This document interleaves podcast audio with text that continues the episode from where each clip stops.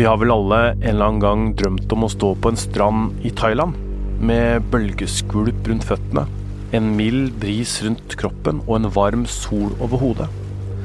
Kanskje har du tenkt at det hadde vært deilig å bo i en eh, bungalow, en sånn som du har sett på bilder på nettet, i et område der sirissene bryter stillheten med øredøvende gnissing idet solen går ned i det varme vannet, og du nyter en kald singa-øl. Og kanskje hadde noen av oss drevet med yoga på stranda. Et lite eventyr der man møter andre unge, nysgjerrige og reiselystne fra hele verden. For sånn er det jo faktisk noen steder i Thailand. I smilenes land. 30 år gamle Nerid Høynes var på en slik reise. Hun elska yoga, reiste ned dit for å begynne på en yogaskole. Etter hvert så traff hun en mann, men det går ikke lang tid før familie og venner begynner å merke at hun har forandra seg. At alt ikke var som det pleide å være. Så, en dag i 2020, kommer meldingen om at Nerid er funnet død i en jungel i Laos, rett over grensa til Thailand. Hva var det som skjedde med Nerid? Jeg heter Tor Erling Tømt Ruud, og dette er Krimpodden i VG.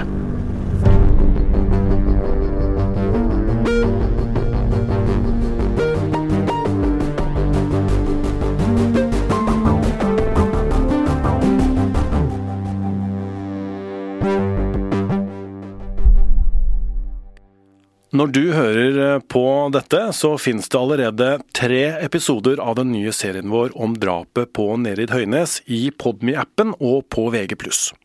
Men enten du har hørt episodene eller ikke, noe jeg selvfølgelig mener at du må gjøre, så er dette en så oppsiktsvekkende sak at vi er nødt til å snakke om den nå også.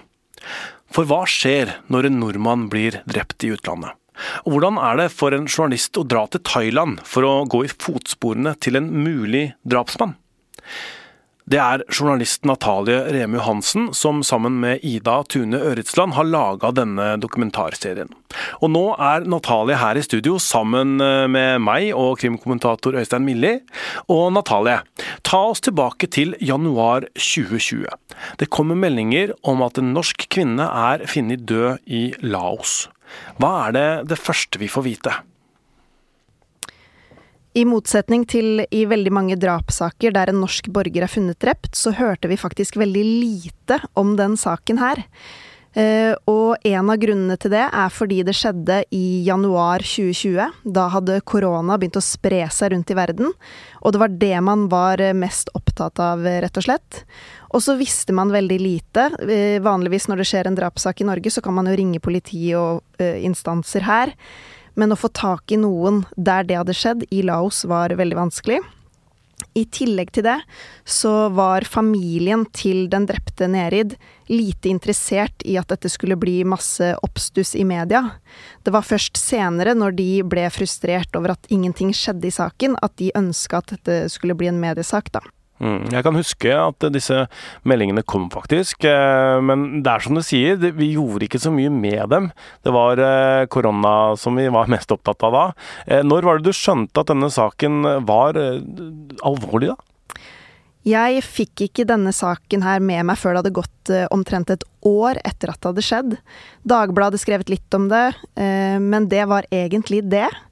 Og så er det sånn at jeg kjenner, viser det seg, egentlig ganske mange som kjente Nerid.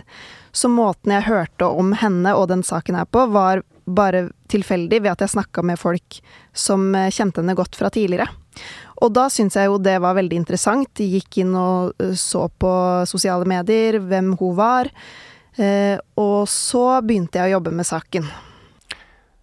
Norsk eh, jente da funnet drept i jungelen i Laos, Øystein. Og så er det en, eh, en, eh, japansk mann som er sikta eller etterlyst for drapet, som ikke blir tatt.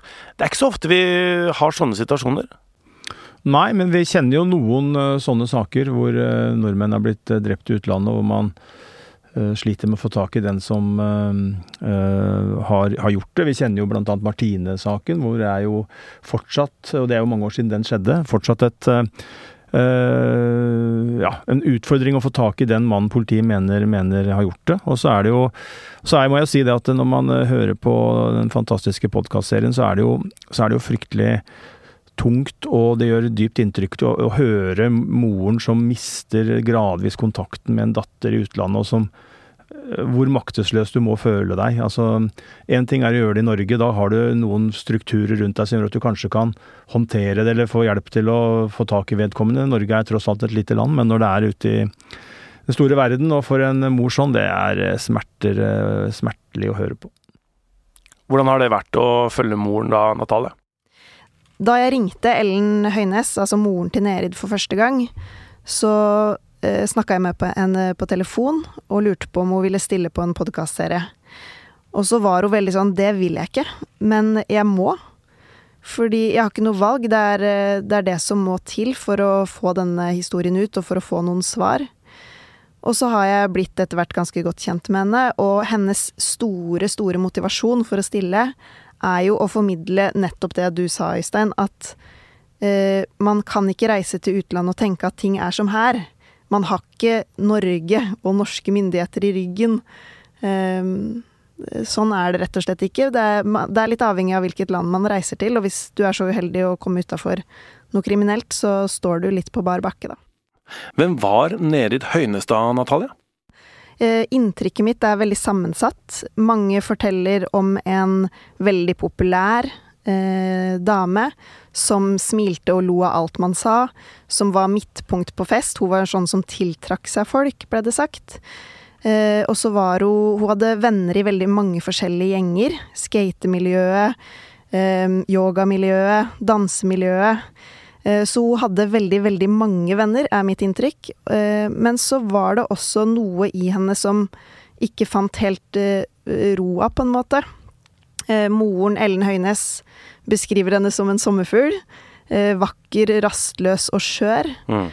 Så i likhet med de fleste, på en måte, så var hun en sammensatt person som kanskje ikke fant helt sin plass i verden. Men det var det, var det moren mente, da, at gjennom yogaen og da hun bestemte seg for å bli yogainstruktør og satse på det, så fant hun endelig sin plass eh, i verden. Og så tenkte du at dette bør vi eh, fortelle eller eh, gjøre noe mer med. Hvorfor det? Da jeg fikk høre om saken, ett år etter at hun hadde blitt funnet drept, så var det fortsatt veldig mange ubesvarte spørsmål, nettopp fordi det hadde blitt skrevet så lite om.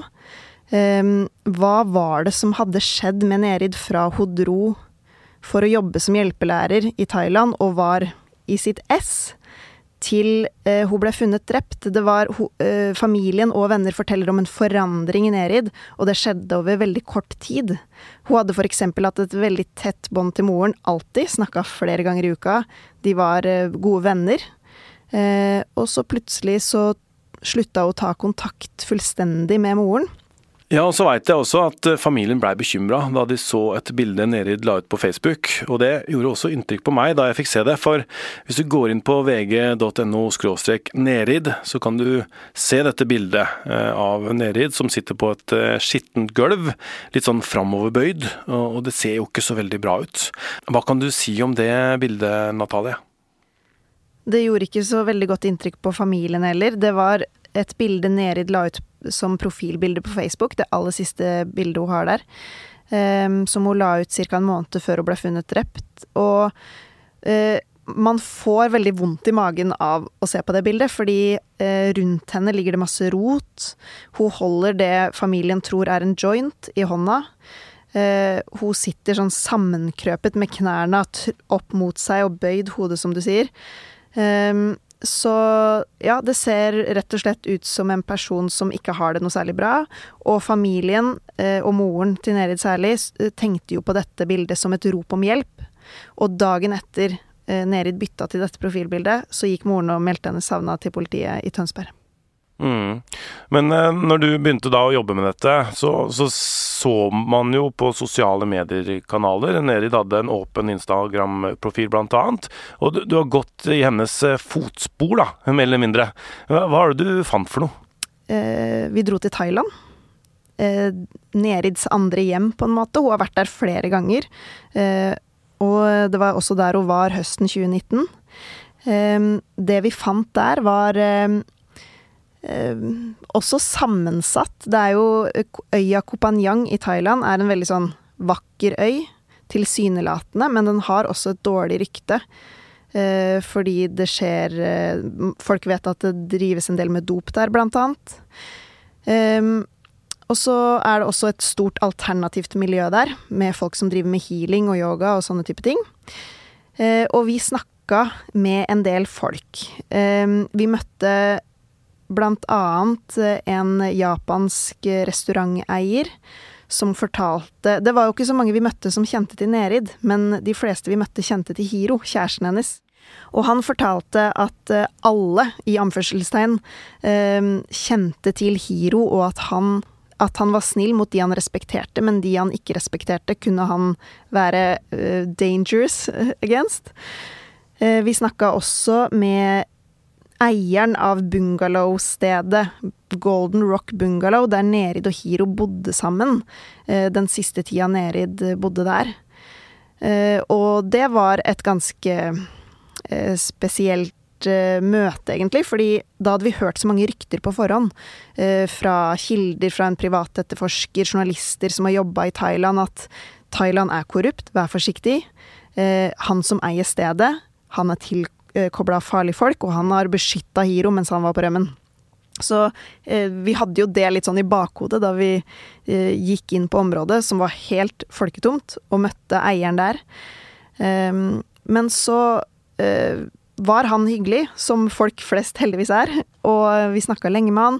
Og han var bare veldig redd for å bli inkriminert i saken, det var tydelig.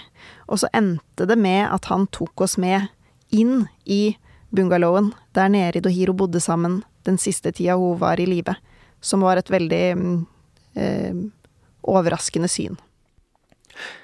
Ja, denne strandhytta da, som de bodde i. Eh, man ser jo kanskje for seg stråtak, eh, strandutsikt og havet som kommer inn, liksom. Men, men var det sånn, eller? Det var kanskje det totalt motsatte.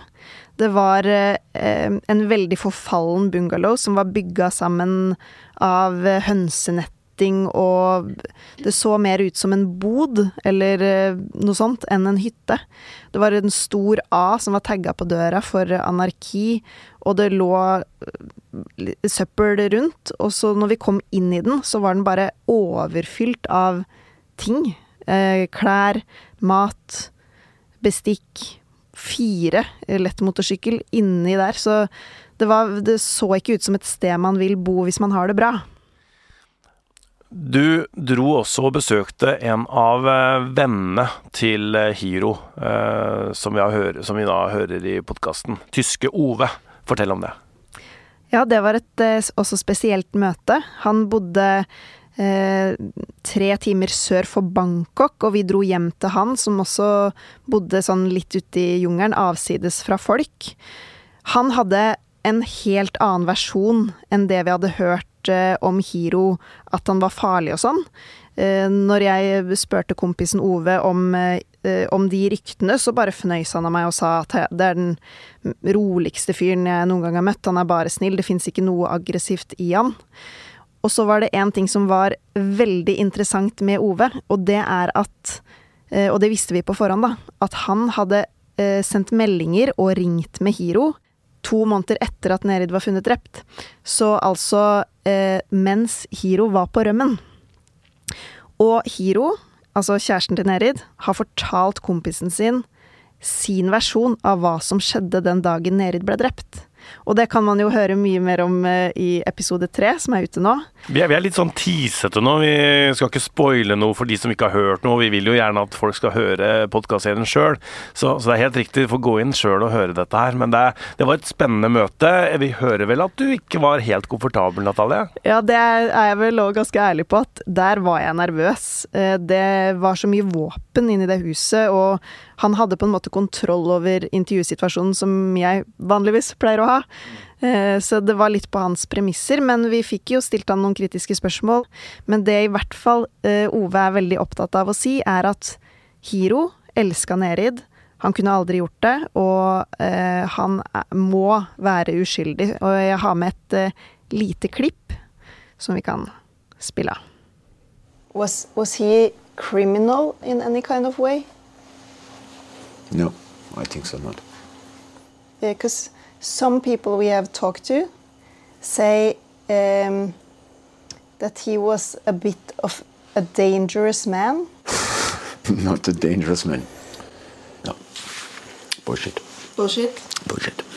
Him was only shanti shanti and him only sitting with two balls in the fingers and like like Buddha did did did did did did. You cannot provocate hero.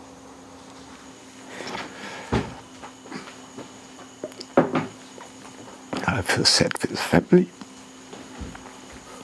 Him this not. Him this not. I guarantee him this not. I know him so long time. Ja, det var tyske Ove som Natalie møtte da utafor eh, en by i, i Thailand. Det å møte kilder og folk når man er journalist i utlandet og andre steder, Øystein, hvordan kan det være? Nei, det kan jo være risikofullt. Uh, vi kjenner jo alle saken om uh, såkalte ubåt-Madsen, hvor det var en svensk journalist som skulle møte ham for å lage en reportasje. og uh, Kom aldri hjem, ble torturert og drept der. Så det, så det, er klart at det er en del av, det er en del av risikobildet. Det er en del av jobben vår. og vi skal og må møte mange forskjellige typer personer, også kriminelle, også potensielt farlige mennesker. Og så handler det da om å ta og gjøre så gode og kloke valg og være forberedt så godt det er mulig. Vi har jo rutiner for det her i VG også, men, men, man kan ha så mange rutiner, og sånn er det på alle livets områder. Man kan ha rutiner og ta tiltak så langt eh, man kan før man drar, men når man først er der, så kan det jo alltid skje noe. Jeg kjenner jeg får sånn uh, sug i magen når du snakker om ubåt-Madsen og sånne farlige oppdrag, men og, må bare si én ting, og det er jo at eh, som VG ofte gjør da, i sånne type oppdrag, så møter man personen man skal hjem til på offentlig sted først, bare for å være sikker. Mm. Og så var vi to. Jeg hadde jo med meg fotografen Kristoffer Kumar også, heldigvis. Mm. Og det gjør at man er tryggere. Absolutt, det er en stor, stor fordel, og jeg vil si en sånn situasjon, i mitt hode, en forutsetning. Mm. Og så møter du da Ove. Han øh, virker til og med litt truende, kanskje. Men hvorfor stiller han opp? Han har et eh, stort behov for å få oppklaring i saken, så vel som familien til Nerid. Ehm, fordi han eh, er glad i Hiro. Han syns at dette det er, Han kan ikke forstå at han kan ha gått til det stykket å drepe noen, og tror 100% på at Hiro er uskyldig. Så det er viktig for han å også få svar. Og vi har melda litt i etterkant også. Han stiller alltid spørsmål sånn Vet du noe nytt? Er det noe nytt fra Laos? Så rett og slett eh, det. Vi må snakke litt mer om denne mannen Hiro. Eh, han som var kjæreste med Nerid, og som nå er i fengsel i Laos. Et land som det finnes få eller ingen frie journalister i, og som er et av Asias fattigste land. Gjentatte ganger har landet fått kritikk for brudd på menneskerettighetene, bl.a. for de dårlige fengselsforholdene, og at eh, landet fremdeles har dødsstraff. Og nå sitter altså Hiro fengsla der, sikta for drapet. Fortell om han, Natalie. Ja, han er eh, fra Japan. Hans fulle navn er Hiroyuki Ogu. Han er nærmer seg 40 år. Eh, og han har bodd på øya Kopanyang i over 15 år, selv om han er fra Japan. Hvorfor han aldri har dratt tilbake til Japan, er uvisst. Også prøvd å finne informasjon i, eh, i Japan gjennom registre og gjennom japanske journalister uten å ha kommet i mål der. Um, og så vet vi jo hvordan han ser ut, fordi vi har sett en del bilder av han. Uh, han er full av tatoveringer og går mye barbeint og i bar overkropp, og har sånn skinna hår på sidene med noen lange dreads ned. Uh, og så beskriver folk han som høy og svær og kraftig. Um, og så er det ellers beskrivelser som stritter veldig i to sider. Noen sier at han er fantastisk, blant annet han tyske kompisen Ove som vi hørte i stad. Eh, at han er rolig, god i yoga. Shanti-shanti bruker han som sånn ord for å beskrive han. Eh, og at han er veldig karismatisk. Eh, vi har møtt en bareier på øya Kopanyang som sier at han var sånn som viste nye turister rundt på øya alltid, og tok med seg veldig ofte damer, da, eh, for å eh, drikke øl og snakke om øya på kvelden. Ehm, men så har vi også snakka med en del folk som beskriver han som farlig. som truende, som, all, som en person som alltid trenger penger, og gjør det han kan for å få tak i penger. Og så er han jo nå pågrepet og tidligere har vært internasjonalt etterlyst for drap. Og det påvirker jo selvfølgelig et bilde av en person, hva man tenker om en person. Sånn som jeg har forstått det, så har ikke norsk politi vært i Thailand? Det har det ikke. Eh, så du har vært på steder hvor, hvor politiet ikke har vært. Eh, og at du oppdager ting som kanskje politiet ikke har oppdaga. Eh, hvordan har det vært med politiet i denne saken? Når det skjer noe kriminelt med en norsk borger i utlandet, og det kan også være drap, så er det veldig vanskelig for norsk politi å gjøre noe som helst. Det er sånn at det landet der drapet skjer, det er de, det er politiet der, som har ansvar for saken. Så i dette tilfellet så var det jo i La, politiet i Laos. Um, så er det noen ting norsk politi kan gjøre. De, de lagde jo, oppretta jo en sak her, og det var politiet i Tønsberg som fikk ansvaret fordi Ellen, eh, moren til Nerid, eh, er bosatt der. Eh, og det de kan, er å foreslå ting, eller anmode ting. De kan sende mail gjennom noen kanaler de har, til Laos og si har dere gjort dette, dere burde gjøre dette. Men bortsett fra det så har de egentlig ikke noe de skulle sagt, med mindre eh, politiet i Laos ønsker det, på en måte. Og du nevnte Martine-saken i stad. Der var det jo Scotland Yard i England som etterforska saken, og de inviterte jo Kripos inn til å bistå. Der eh, snakker jo alle om et godt politisamarbeid. Mens eh, i denne saken og med politiet i Laos så har det vært krevende. Det er uh, Laos er en ettpartistat som vil gjøre ting selv. Uh, og um, jeg har snakka med både politiet i Tønsberg og med Kripos om dette. Um, og for familien til Nerid så var dette ekstremt frustrerende. Veldig forståelig. de syns at norsk politi og norske myndigheter gjorde altfor lite i den saken her for å presse på politimyndighetene i Laos til å gjøre mer. Eh, og det snakka jeg med hun som heter Birgit Haukland, eh, som leder seksjonen for Interpol og Europol i Kripos, eh, og hun har svart på familiens frustrasjon, da. Jeg kan, jeg forstår, jeg kan forstå liksom den frustrasjonen du, du føler, fordi det Du føler jo det tar for lang tid, ikke sant. Når du har mista noen, så har du ikke det å sitte på sidelinja på en måte, eller Det er ikke lett, så jeg kan jo forstå at man prøver å finne, finne løsninger. Eh, men så betyr ikke det at eh, politiet ikke jobber med det. Eh, og så er det kan du si, vanskelig for norsk politi å få ordentlig tak i ok, hva gjør laotisk politi til enhver tid, det som er det tilfellet her, og kan liksom fortløpende melde tilbake til pårørende. det denne gangen så var det ikke sånn. Det klarte jo ikke vi å få. Ehm, så i det tilfellet her så var det jo vanskelig å få tak i informasjon. Og det er jo vondt for familien, uten tvil. Det gjør jo at de, sånn som du egentlig har sagt, at de har jo sett seg etter andre måter å prøve å få tak i informasjon på. Ja. Har dere gjort alt dere kan for å få tak i informasjon i den saken her? Ja, det vil jeg påstå fra, fra Kripos og Interpol Oslo sin side, så, så, mener jeg jo det. Det er vanskelig for norsk politi dette her da, Øystein? Ja, det er det. Og det er jo veldig variabelt hvor godt man samarbeider med andre land, som Natalia er inne på. og i noen land samarbeider man jo veldig godt med. altså sånn type, Selvfølgelig norsk og svensk politi eh, har jo et, eh, ja, et, et, tett samarbeid. Det har man også med engelsk politi. Eh, så, så, det er jo den ene delen av det. Og så har du andre land som det er umulig uh, å få noe som helst uh, drahjelp, kanskje. Og vi vet jo andre saker hvor man jobber med, med utenlandske um, politimyndigheter, og da, da, er det jo sånn at man sender såkalte anmodninger. Lørenskog-saken er et eksempel på en sak hvor det er sendt mange anmodninger til utlandet, hvor norsk politi da ber om at uh, det landet de henvender seg til, at politiet der, eller rettssystemet, foretar seg noe.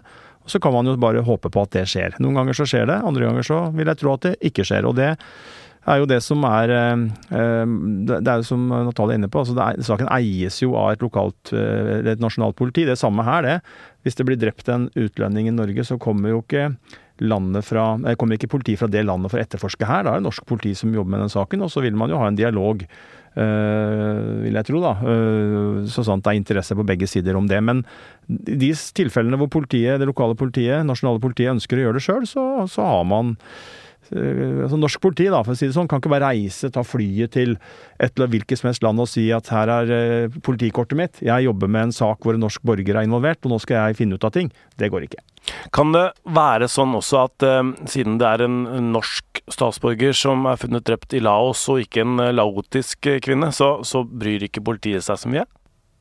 Ja, det er jo et godt spørsmål, men jeg, altså stort sett så tror jeg at eh, Og særlig de landene som lever av turisme, så tror jeg de er veldig opptatt av at eh, det at turister eller utlendinger blir drept, det er eh, ikke bra. Og det ønsker man å oppklare og vise for hele verden at man gjør i en del tilfeller. Og jeg ser jo ikke bort fra på generelt grunnlag at rettssikkerheten i noen land kan eh, være så som så når man skal løse en sånn sak, fordi at det, det står så enorme summer på, på spill da, eh, for, for turistnæring, restauranter, hoteller osv.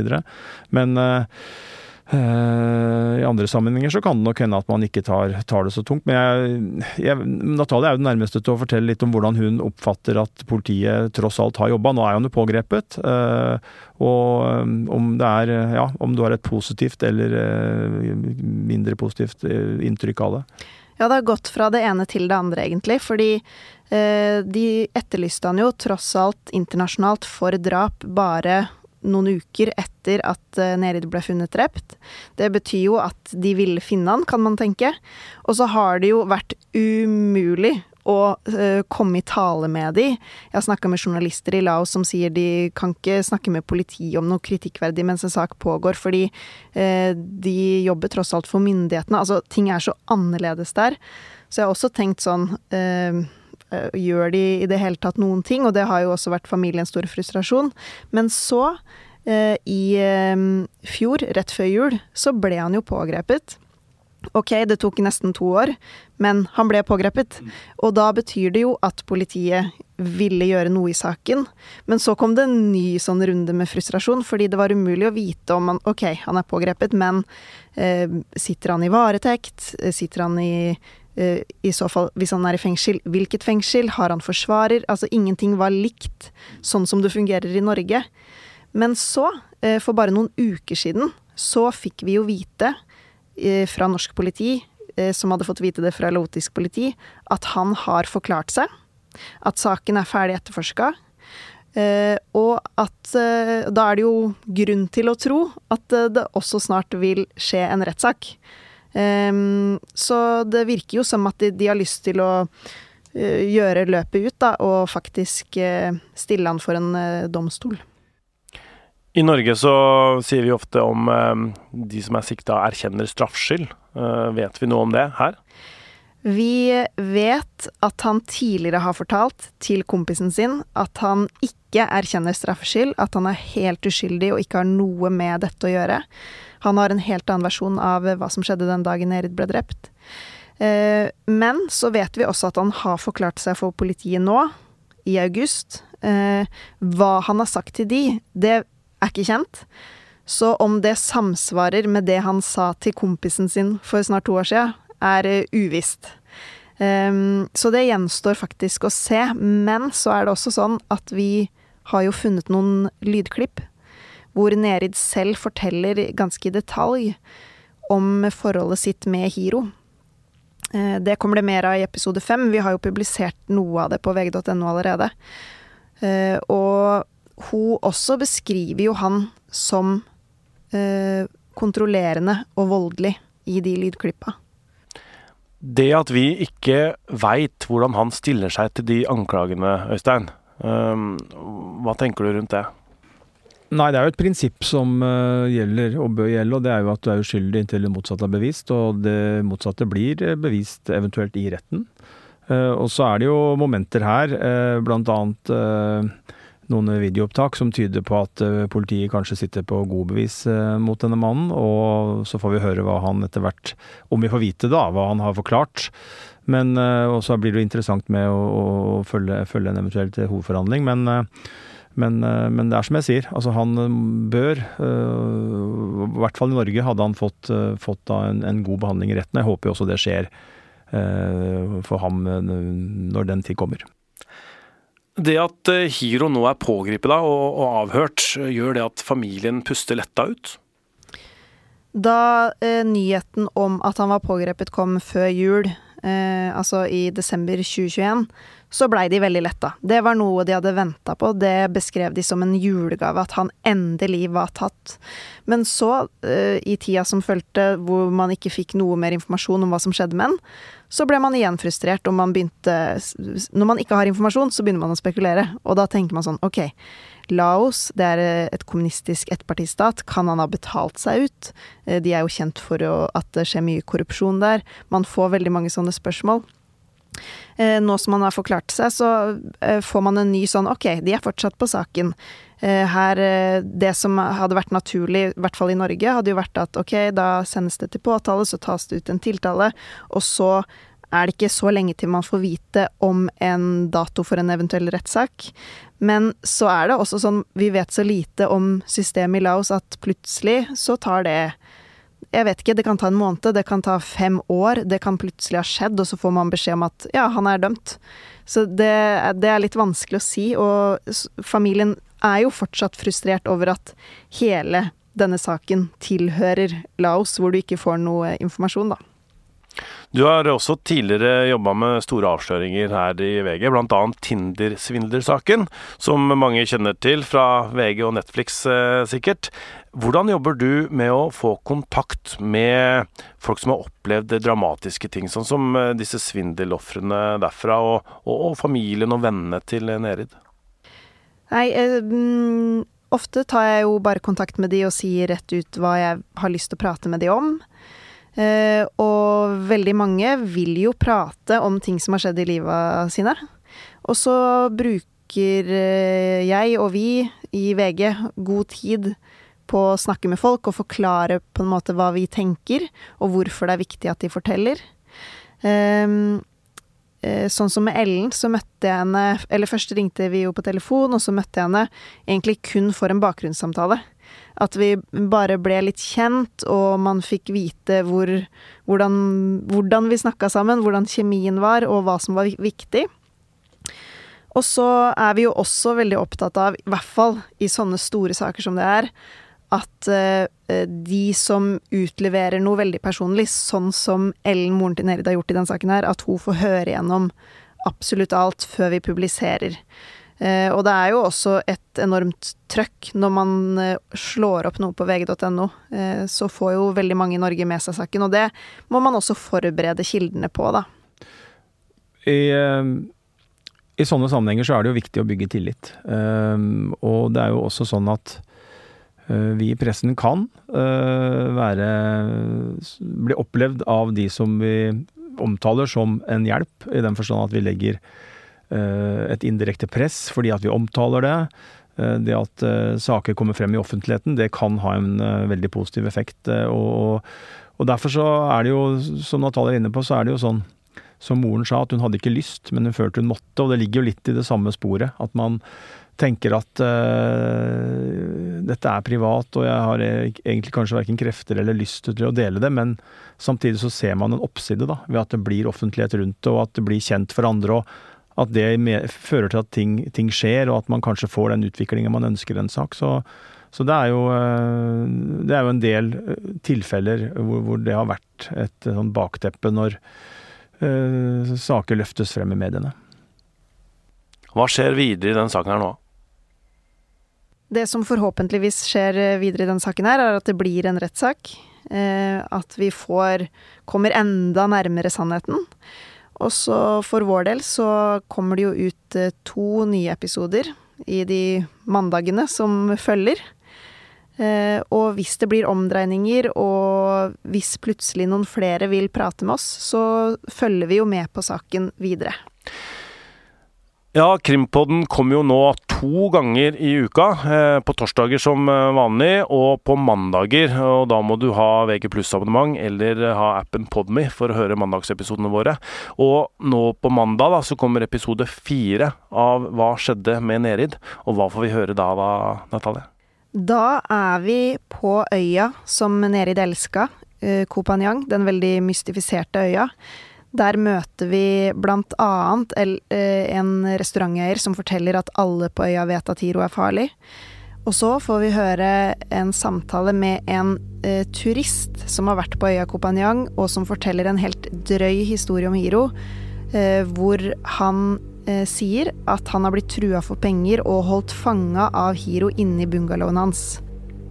Ja, det får du høre om i Krimpodden og denne serien om hva som skjedde med Nerid, om du da har appen Podme eller VG+. Gå inn og sjekk på mandag. Og som vi har nevnt, så har altså Natalie prøvd å komme i kontakt med Hiro gjentatte ganger over tid, men uten å lykkes. Derfor veit vi ikke hvordan han stiller seg til disse anklagene om at han skal ha vært farlig og ha holdt noen til fange inne i bungalowen. VG-journalist Natalie Remu Hansen har vært gjest i dagens episode. Øystein Milli var med, Ruth Einervoll Nilsen har klippa, produsent er Vilde Worren, og jeg heter Tor Erling Tømt